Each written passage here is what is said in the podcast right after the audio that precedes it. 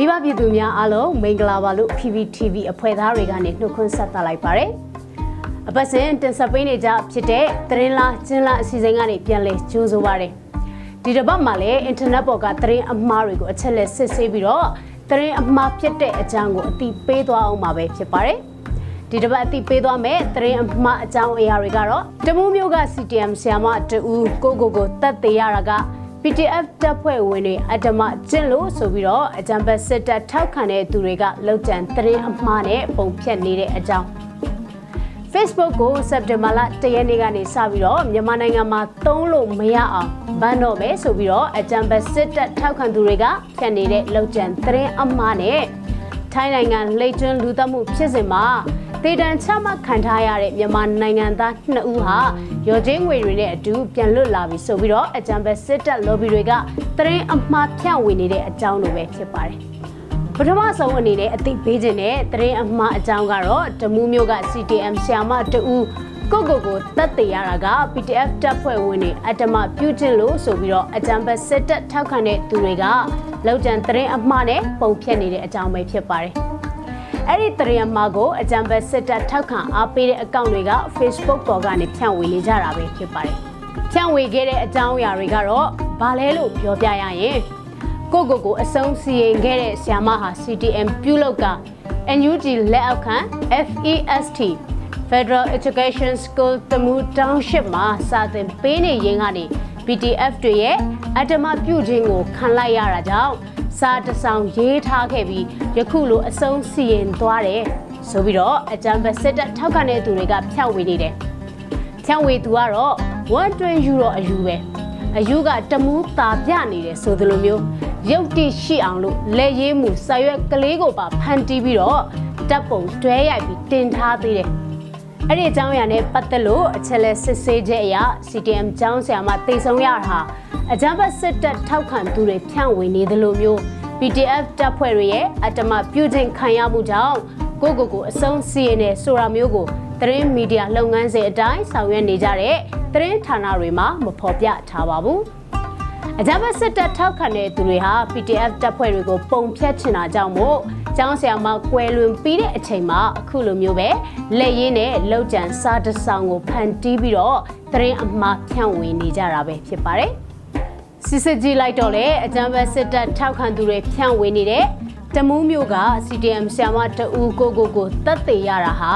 PDF တပ်ဖွဲ့ဝင်တွေအတ္တမပြုကျင့်လို့ဆိုတဲ့အကြောင်းအရာကလောက်တံဖန်တီးပုံဖြတ်ထားတဲ့တရားမှာဖြစ်ကြောင်းထင်ရှားနေတဲ့အပြင်တေဆုံးသွားရရှာတဲ့ဆ iam လေးရဲ့ဂုံတိတ်ခါကိုပါကြာဆုံးပြက်စီအောင်လို့လုပ်နေသလိုဖြစ်နေတယ် ကဲနောက်ထပ်အသိပေးခြင်းတဲ့သတင်းမှာတစ်ခုကတော့ Facebook ကိုစက်တင်ဘာလ၁ရက်နေ့ကနေစပြီးတော့မြန်မာနိုင်ငံမှာသုံးလို့မရအောင်ဘန်းတော့မယ်ဆိုတဲ့အကြမ်းဖက်စစ်တပ်ထောက်ခံတဲ့သူတွေကဖြတ်နေတဲ့လောက်ကျန်သတင်းအမှားအကြောင်းပဲဖြစ်ပါတယ်။အဲ့ဒီသတင်းအမှားကိုအကြမ်းဖက်စစ်တပ်ထောက်ခံသူတွေကဖြန့်ဝေနေတာဖြစ်ပြီးတော့ဖြန့်ဝေခဲ့တဲ့အကြောင်းအရာတွေထဲမှာဆိုလို့ရှိရင်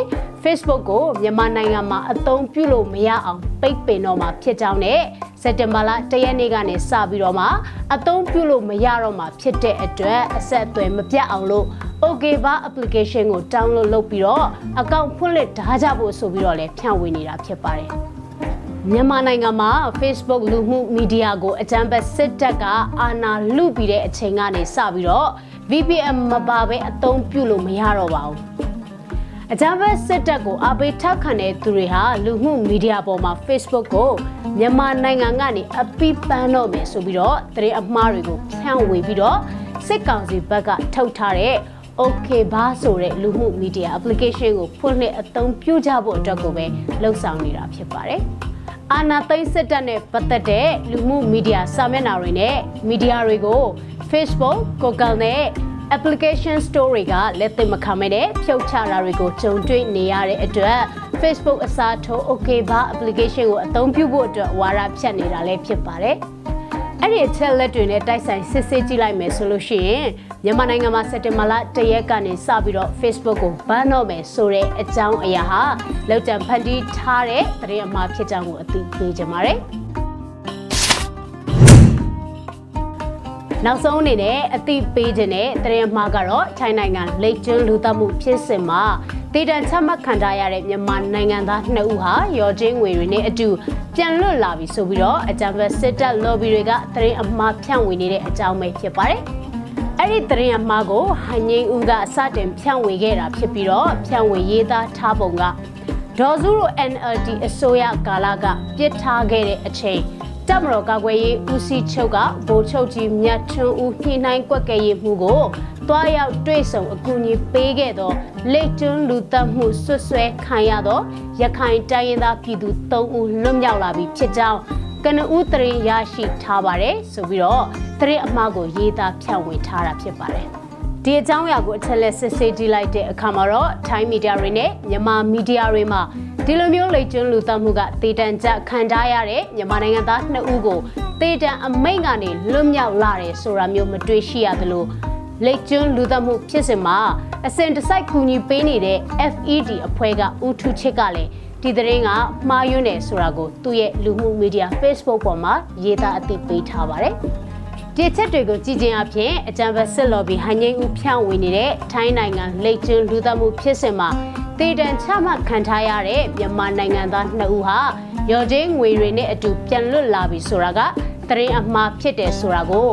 လေပြမစင်တကောင်လုံးဖြတ်သွားသလိုရှင်းရှင်းလင်းလင်းကြီးကိုမြင်တွေ့နေရပါတယ်။ကဲဒီတစ်ပတ်အတွက်သတင်းလားကျင်းလားအစီအစဉ်ကိုတော့ဒီမှာပဲရန်နာခွင့်ပြုပါအောင်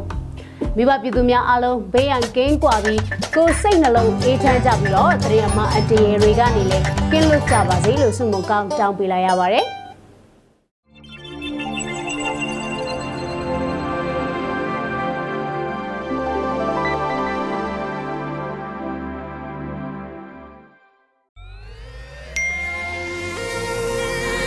PPTV ကမျိုးတော်လိုင်းရေးဆိုင်ရာအစီအစဉ်ကောင်းတွေကိုရည်စည်တင်ဆက်ပေးနေရရှိပါတယ်။ PPTV ကထုတ်လွှင့်တင်ဆက်ပေးနေတဲ့အစီအစဉ်တွေကို PPTV ရဲ့တရားဝင် YouTube Channel ဖြစ်တဲ့ youtube.com/c/pptv မြန်မာကို Subscribe လုပ်ကြည့်ရှုပေးကြရဖြင့်တော်လိုင်းကိုတစ်သက်တအားဖုန်းမှုပြည့်ပေးနိုင်ပြီဖြစ်ကြောင်းသတင်းအောင်ပါလိုက်ပါရရှင်။စိတ်ရကလစ်တွေနဲ့တော်လိုင်းရေးကိုနိုင်တဲ့ဘက်ကထိတ်ဆက်အားဖြည့်လိုက်ကြအောင်ပါ။အရေးတော်ပုံအောင်ရမည်